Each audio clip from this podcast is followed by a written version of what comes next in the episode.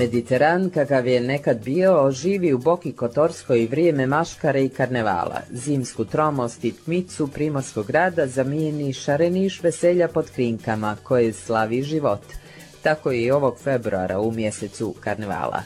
Ovo je Zavir ispod površine podcast radija Slobodna Evropa. Ja sam Jasna Vukićević i vodim vas u Kotor, srednjevjekovni dragulj, čija je ljepota bokeška, crnogorska i svjetska baština. Svi vi što vas da u malo riblo brontulate, a naglas ne smijete ni riječi reći, vi što se u junačka prsa stalno udarate, a kad prigusti prvi ste spremni uteći, vi maškalconi, farabuti, berekini, galiotti, uncuti, spadala i fakini, špica škandali, šoto kuzini, prčanske vope, dobrodski šoto lumbrelini, peraške ponutice, muljanske gavice, a prije svih sinovi slavne pompe karampane, kao i svi što ste arivali sa strane, svi vi pirati, gusari, reketeri, podrepaši, mafijaši i dileri, bilo da nosite gaće ili ste u vešti, pas da ste dobrodošli na našoj ludoj fešti. Džir po Kotoru na pazarni dan počinje na Markat na Kotorskoj pjaci. Srećemo Vlastu Mandić, Kotoranku koja je puno pisala o tradiciji i kulturnom nasljeđu Boke Kotorske. Kotorski karneval ima vrlo impozantnu tradiciju. Tradiciju koju je naslijedio od Serenisime, od Venecije, dakle od Metačke republike koja je ovdje bila prisutna 400 godina. I taj karneval je normalno poprimio i lokalna obilježja, obilježja mentaliteta ljudi koji ovdje žive od tih davnih vremena do danas. A kad govorimo o davnim vremenima, onda vrlo je impozantan podatak da karneval e, traje već 500 e, godina, ima tradiciju, dakle 500 godina, jer se u arhivskim podacima pronašao taj podatak koji govori o tom dugom trajanju slavljenja karnevala u Kotoru. U svakom slučaju ljudi su uvijek željeli da se provode, da budu onaj svoj dio sumornog života začine nečim veselim, tako je to bilo i u prošla vremena, iako mi mislimo da smo mi danas sve izmislili i danas je taj karneval kao ta tradicija jako potreban, e, gledajući na sve u kakvim okolnostima životnim, a kad kažem životnim mislim na političke, socijalne, kulturne i tako dalje uslove živimo, jako je potreban i mi Kotorani smo jako ponosni na taj karneval koji obstaje u svim nemogućim uslovima, a što znači da je ovdje taj nekakav ljudski gen jako žilav ne predaje se i znate šta, teško je odustati od nečega što je već ušlo u vašu krvi, što predstavlja jedan dio i vašeg mentaliteta, personifikacija ovog naroda ovdje koji živi uz moni, koji dijeli taj karneval sa mnogim narodima svijeta, koji iz istih razloga de facto i ponikao. Tradiciju kotorskog karnevala čuvaju bokeške familije kao dio sopstvenog nasljeđa i zato samo u pisanim tragovima on broji preko pola milenijuma. Jedna od njih je i familija Dolores Fabian. Što se tiče moje familije, moje porodice, pričamo o ovoj kotorskoj bandi, nedobrovačkoj, ti dani karnevala, ti dani od fešte bili su posebni dani. Kada smo bili doma kod babe u grad, i kada se otvarala onako teatralno stara makina, stara singerica, ona što se nogama morala pokrećati da bi se šilo i tada bi se u stvari e, palio i stari gramofon onaj sa trombetom. I onda bismo svi zajedno šili, krojili, pjevali i smijali se prije svega. Znači to su bili dani kada je porodica bila skupa i kada nam je svima bilo lijepo, zabavno, a onda kad bi neko zakucao na vrata, sve se to moralo u minut pomaknuti s tinela, da niko ne vidi i da niko ne zna o čemu li maškare i ako već znaju da hoćemo maškare, da ne znaju u što ćemo vidjeti, da ne vide nijedan mali bokunić od robe, konca, e, finižele, bilo čega što bi moglo nagovijestiti što mi to šijemo. Mi, kažem mi, ja sam tada bila mala, i nisam šila, mogla sam samo da pomažem, onako, gdje, da pri, prišijem kakve botun ili, ili čisto nešto, da pokupim one konce spoda bome. Šili su stari, šila mi je mama, šile su tetke, šio je Don dok je bio glavni za makinom koji je znao i zapjevati onako operske arije. Tako da Kotor zadržava tu tradiciju upravo zahvaljujući familijama, ne samo mojoj, nego i svim ostalim familijama koje se i dan danas pojavljuju kao organizovane karnevalske grupe. Mi smo jedini, jedina karnevalska grupa koja nosi porodično ime, Gašler. E sad Gašler, zašto Gašler? Zato što je djede bio Gašler. On je u stvari bio Toni Mirošević, ali su ga svi zvali Gašler zato što je radio u jednoj radnji kod gazde koji se prezivao Gašler. Austrijanac je on bio, tako da je Toni dobio nazimak Gašlera, onda mi po njemu svi Gašleri smo postali i prepoznatljivi smo upravo po toj e, nekoj žici koju imamo, koju je on imao, a to je da smo izuzetno druželjubivi, da volimo zapjevati, zabalat, e, bumbi, što da ne, jer ne može se bez toga. Jedna prava fešta, dalmatinska, bokeška, ne može bez e, jedne čaše vina ili bevande, zašto da ne. I druga mjesta u Boki Kotorskoj čuvaju tradiciju karnevala, pa se i u Donjoj Lastvi, u Tivtu, ovih dana u sedmom kvartu užurbano šije, pišu optužba i odbrana za suđenje karnevalu, Melita Ramljak Ciko iz udruženja Harlekin. Ta tradicija je potekla od ženskih članova porodice, prvenstveno moje prabake, moje bake, koje su u tim danima prigale krofne moja baba je bila šnajderica i ona je šila odijelo za karnevala i punila ga je slamom. Tako da mi tu tradiciju dan danas održavamo. Karneval naš je punjen slamom. E, one su se skupljale po kućama, šile, šalile se na tu temu, sve što je bilo interesantno ili im je smetalo, one su to pretočile u tog karnevala koji je liči uvijek na nekog gospodina, jer bože moj, uvijek su neka gospoda ova, imala nekih problema i tako, tako da su ta tradicija od tada još počinje. E, onda imamo tu povorku koja kreće iz sedmog kvarta, e, to je naša ulica u kojoj se sve odigrava i pisanje i šivenje. E, povorka kreće iz sedmog kvarta i ide do obale zatim se spuštamo do crkve gdje obavljamo suđenje karnevalu. I nakon toga nam ulo i spaljivanje. Poslije toga je maskenbal i dodjeljivanje nagrada najboljim i najinteresantnijim maskama. Bude li ljutnje? E, pa bude ljutnje, ponekad neko se prepozna, neko se prepozna i, i da nismo imali tu namjeru, ali a ponekad i jesmo, ali u suštini ne bi trebalo niko da se ljuti, to je jedna šala, jedna zabava, u stvari jedan početak proljeća i trebalo bi svi da budemo malo vedri. Stala je to tradicija kod gosti Bogiška, da se kuju u Setemanu prije karnevala idu u bruk. Maškarani, da se ni mali prst ne vidi, odilo se od portika do portika. Bati durom budilo, grejalo, na silno vina pjesmom raznježilo i pomamilo pomamilo, nego što. Karnevalsko vrijeme nije samo dan kada se maškaraji spaljuje karneval, tome prethode noći smijeha i druženja po kućama kada se ručno prave maske uz šalu, obilje hrane i vina, priča Dolores. Moja grupa je mala i uvijek nastupamo u nekim manjim tim okvirima, ono, maksimum 20 ljudi, ja mislim da nam je bilo ikada u nekim našim e, grupama, tako da uglavnom doma sve završavamo sami, na ruke vas dajemo, šijemo, suprešajemo, znači sve sami radimo i to je u stvari najveći gušt.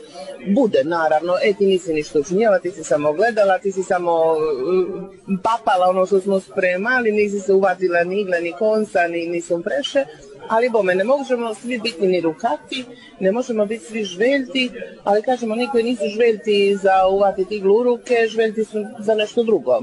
Tako da ovi dani od karnevala nama su posebno dragi. A kako se biraju maske? Kako odlučujete u što ćete se maškara?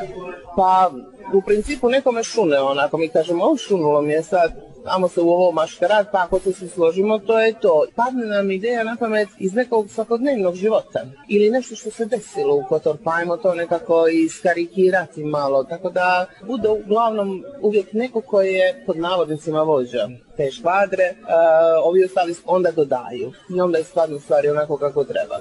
Da li je svemu tome najvažnije biti aktuelan? Da li je najvažnije dati neku poruku na neku političku temu? Pojedina politika svaki dan. Znači ja ne volim te političke priče. Postoje karnevali ovdje kod nas u Boki gdje se pojavljuju maske sa vječitim nekakvim transparentima i to su te političke. Uh, ti možeš napraviti neku masku koja će se dotaći politike, ali da ne bude tako napadna, nasilna, gruba, ali da te totalno zaintrigira i da te pokrene s mjesta. Znači, takve političke maske mi se sviđaju. Ja najviše, iskreno najviše volim naše tradicionalne teme, kotorske, koje se tiču života u gradu, našeg mentaliteta prije svega. Mada, e, te političke teme, kažem, kad se pojave ponekad znaju da uzburkaju ne samo javnost Kotora, nego javnost cijele Crne Gore. Ali neka je, tako i treba da bude, jer narod mora ponekad i da se osvijesti, pa makar i kroz karneval da kritikuje, a karnevalsko vrijeme je upravo vrijeme, što mi Kotorani kažemo, kad se može svašta lajat, a da ne završiš u karaklak. I onda bome treba iskoristiti tu priliku.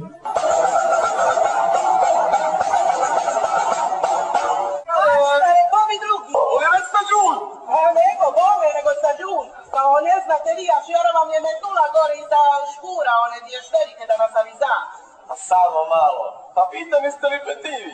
Na ne prave kotorski krvi. Što se prvo na svoj, a ne tuži račun spredaju. Petivi bome, ima kura da činimo ridikule od nas. Ridikule od nas i teater ograda. Tako zvuči kotorski džir u oči karnevala. A evo zašto kotorani vole feštu pod maskama. Veseli se, svi igraju, pjevaju, neko stavi masku, neko to. Ne mora ni da se maskira, bitno je da, da je vesel, da ponese samo radost, ništa više. Raduje nas posebno, naravno da se maškaramo, imamo i svoju karnevalsku grupu i trudimo se da prenosimo i na mlađe generacije i normalno kao svi kotorani. Koja je to karnevalska grupa? Karnevalska grupa za Dešpet. Zbog čega je taj posebno zimski karneval važan za grad Kotor? Pa iskreno mislim da svi kotorani vole i žive za karnevalske fešte i pa to se prenosi s generacije na generaciju i jednostavno se osjeća da kažem i živi se sa tim da se čekaju fešte u Kotoru i da se uživa u tim feštama. Koliko je karneval duh ovoga grada? Pa mislim da je veliki duh ovoga grada, ne samo ovoga grada, nego inače cijelog našeg primorja, ali kotorski bih posebno naznačila, pogotovo ovaj zimski, zbog svega, zbog maskembala, zbog te neke dugogodišnje tradicije. Za Kotorane karneval definitivno znači na prvo mjesto jedna radost za njih, za djecu, za familiju, poslije toga svakako i jedno druženje sa svim ljudima koji dođu sa strane. Maškarate li se? Ne. Zašto? Ja sam došla, nisam inače iz Kotora baš, ja sam došla tu da, da živim, nisam rođena u Kotoru. I što mislite o toj tradiciji? Pa sjajno, nego nemam pojma više, Kotor sa svim tradicijama to polako nešto izumire. Zaista tužno. Tradicija je važna za grad, ali više je postala to za turiste nego za domaće. To mi je samo žao što se to toliko komercijalizovalo, ljudi čisto za pare trude da obesmislu se živi. Ne postoji ljetni karneval. Ljetni karneval, ako sad, znači u Brazilu, u Rio, sad je ljeto, a kod nas je zima ali ne postoji ljetni karneval. I maskembali se zna kad se održava. Sad, od e, polovine januara do polovine februara. I to je to. A ljetni karneval je budalaština koju su izmislili za turiste. Čini mi se da vam je stalo do te tradicije i da biste voljeli da ta tradicija se održi. Jeste da se tradicija održi, ali, kako kažem, pare ubijaju tradiciju. Za razliku od ljetnjeg karnevala, koji ima turističku svrhu, zimski je sačuvao tradiciju, ne samo po tome što se dešava u februaru, već i po spaljivanju karnevala. Stanka Janković-Pivljanin je doktorant na Filološkom fakultetu i bavi se istraživanjem kulturoloških fenomena na Primorju. Spaljivanje karnevala zapravo predstavlja objekte davno zaboravljenje mitske i obredne, obredne tradicije sa jedne strane, a sa druge strane aktualni društveno-politički trenutak sa kojim je on u vezi. Trebamo znati zapravo da je figura vladara odnosno prvo sveštenika ili plemenskog vođe ili kralja, je u zavisnosti od društva ko, koje je posmatrano, uvijek bila ključna za održavanje određenog poredka e, u datom društvu i komunikaciju s višim silama. Šta je to značilo? Ako bi društvo zadesilo zajednicu, je neka nevolja, suša, pomor stoke, uvek smatrao da je za to odgovoran onaj koji komunicira sa višim silama, jer koji je odgovoran za taj poredak. To je bio vladar. U tom smislu slagavanje vladara značilo je i slagavanje datog poredka.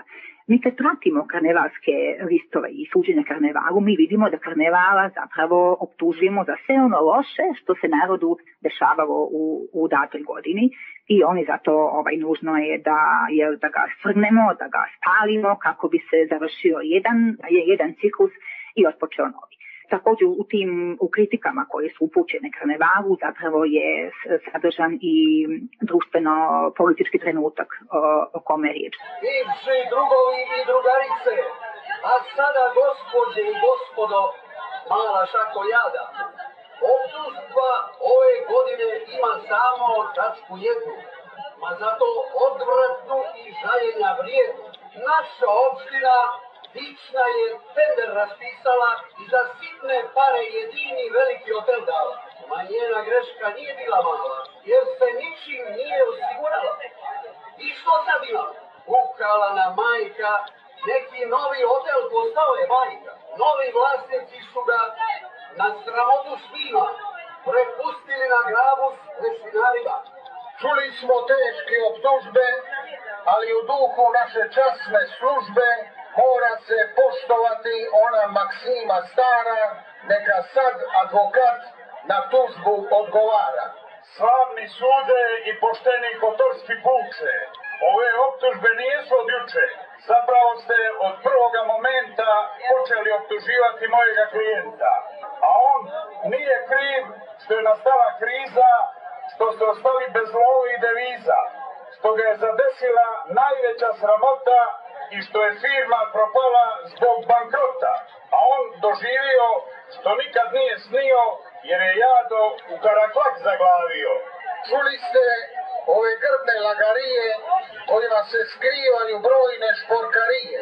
Ma ovaj slavni sud nije od juče. On zna dobro što se u tiho šapuće i zato on presudu jedinu donosi. Neka se ova spodoba spali na lomači, da naš grad ne sramoti i više ne plaće. Vjeruje se da se spaljivanjem karnevala spaljuje svo zlo što nas je morilo protekle godine, pa zato ono predstavlja i simboličko pročišćavanje kroz vatru, kaže Dolores. Karnevalom se završava jedan dug period zime, jedan dug mračni period. Karnevalsko vrijeme je vrijeme kada se još uvijek može jesti meso, mas, sve ono mrsno, da kažemo. Poslije karnevala nastupa post. 40 dana uskršnji post. Dakle, to je vrijeme, karnevalsko vrijeme je ono kada, kada ćemo se špogati, kada ćemo kritikovati, kada ćemo sve pojesti što je ostalo u gambužu. I to je vrijeme kada mi moramo, jednostavno moramo, da bismo se špogali iznutra, moramo na nekoga svaliti krivicu. Jednostavno moramo. ne možemo mi biti krivi. E, I onda fino se napravi ta karnevalska figura koja će biti optužena i osuđena na lomaču, na maceo za sve naše grijehe koje smo mi počinjeli te godine. To je ta karnevalska, kotorska tradicija, ali taj karneval, to spaljivanje karnevala E, vezano je za Mediteran, poteklo je iz Venecije, raširilo se na cijelu Italiju, Španiju, istočnu Jadransku obalu, e, uključujući naravno i Kotor. To je to u stvari vrijeme kada ti se čistiš, kada se jednostavno oslobađaš svog tog zla. Mi se oslobađamo tog zla na taj način što napravimo tu jednu figuru koja obično podsjeća na nekoga. Da li će podsjećati na nekoga iz lokalne uprave, da li će podsjećati na nekoga iz e, državnog vrha, sad, to je pitanje, nikad se ne zna, nikad se ne zna ko se pravi, ko će biti, ko će biti spaljen, ali se često, često može čuti po kotoru od starih kotora, ah, taman da me spale ko krnevala. Tako da taj karneval za nas je posebna priča i poseban gušt i posebno smo emotivno vezani za taj zimski e, karneval zato što upravo u toku tog zimskog karnevala mi se špogajemo, mi palimo karnevala i mi, hvala Bogu, pravimo karampanu u kojoj možemo opet, kažem, svašta, lajat, pobokeški, da se ne zna ko je pisao, kome je namijenjeno, nego se moramo prepoznati tu. Karampana o kojoj Dolores govori je satirično-humoristički list koji izlazi na dan karnevala, a nastaje tako što građani pišu šale i doskočice o lokalnim ljudima i događajima i dostavljaju ih anonimno za objavljivanje. Dugogodišnji kapa od karnevala Jovica Martinović znao je reći, ko nije za karampanu, nije za život u Kotoru. Kutija za karampanu je i ovog februara na vratima odgrada na turističkom punktu. Jelena Lončar iz turističke organizacije. To je zaista neka duga tradicija koja ovako oslikava i taj duh grada koji još uvijek eto, postoji.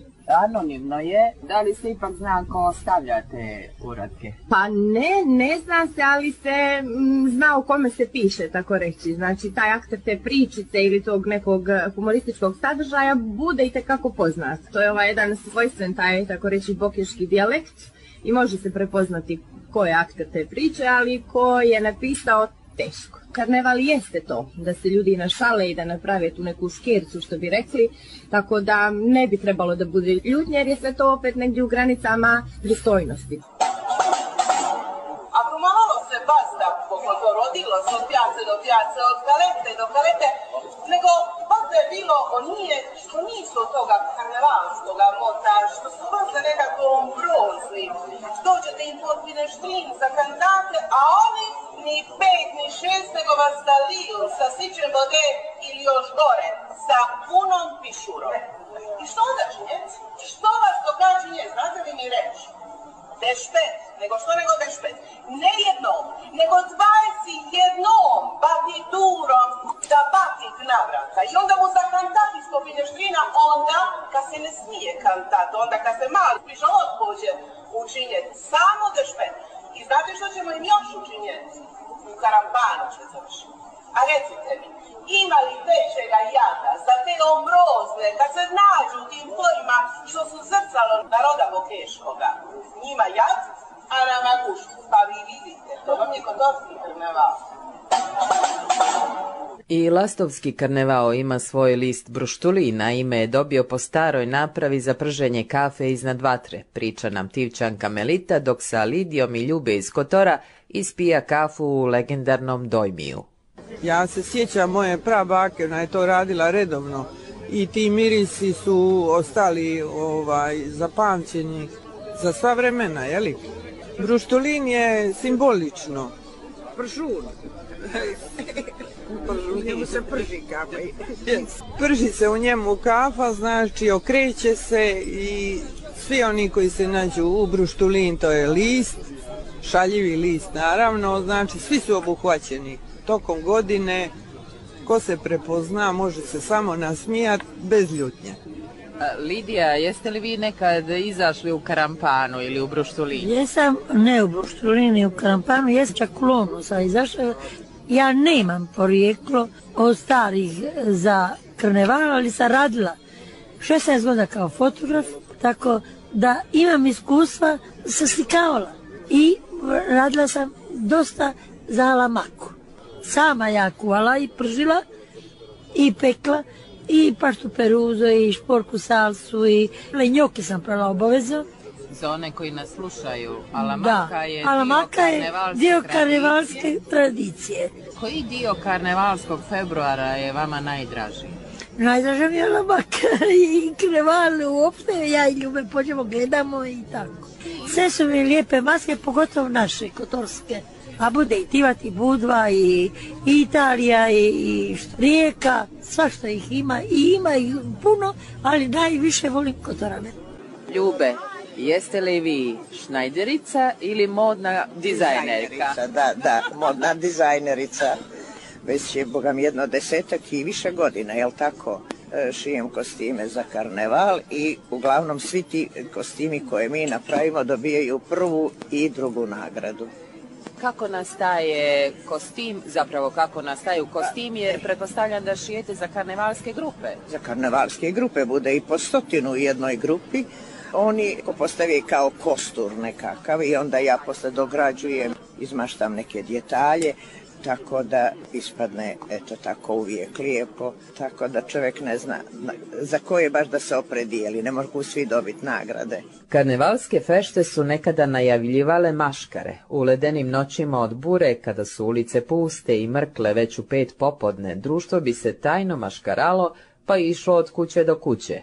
U svakoj bi otpjevali pjesmu, a domaćin bi ih darivao naranđama i bombonima. Melita Ramljak Ciko mi smo prije korone jedna grupica smo krenuli to da obnovimo i mogu vam reći da je trajalo od šest uveče do iza dva sata po ponoći jer svaki je htio da mu maškare dođu u kuću. Zato što maškare donose sreću. Jes, tako je, tako je. I ja sam odustala oko 12 sati noću jer više nisam mogla. Što od smijeha, što od kasnih sati, ali mogu vam reći da je jedna fantastična atmosfera i da to ko nije doživio, taj ne zna o čemu se radi. Dolores Fabian što se tiče tog maškaranja po kućama, ja to nikad neću zaboraviti. Neću zaboraviti ono vrijeme prije 79. godine i ne mogu ga prežaliti, što smo ga izgubili za uvijek, taj kotor nekadašnji. Sjećam se kao mala da bi se mater, don, do tetka, svi su oni maškarali i nas su ponekad vodili. Išli smo upravo od vrata do vrata, kod poznatih ljudi, pjevalo se i obično su u tu boršu stavljala naranča, pokoji bombončin, i tako dalje.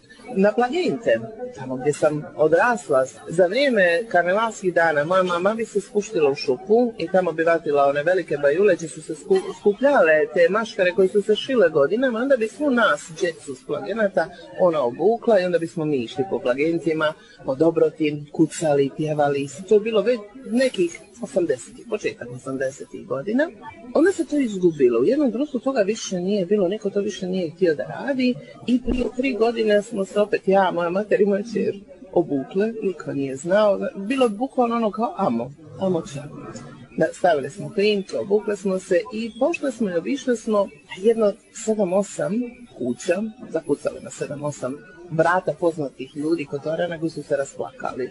Znači, svi su se rasplakali. Mi smo suđe napravili malu feštu, e, zapjevali, lentrali se i bilo je fantazija. Prošle godine karnevalisti kotorski su uz bubanj, mali doboš u stvari, malo se maškarali, isto su to učinjeli slično ovome, dakle napravili su žir po gradu, zakucali su isto na par vrata. Bilo bi lijepo kada bi se to vratilo i trebalo bi ga vratiti zato što u stvari to pred karnevalsko vrijeme, mislim na karneval sam dan spaljivanja karnevala i u stvari ono što je najveći gušt kada se ljudi druže i kada je sve tako nekako, ma možemo reći veselo, ali i tužno na neki način, zato što u stvari to vrijeme gubimo, jednostavno neđe iza, pa ga se prisjećamo sa sjetom, tako da bilo bi lijepo da se to vrati, ja bi bila presretna.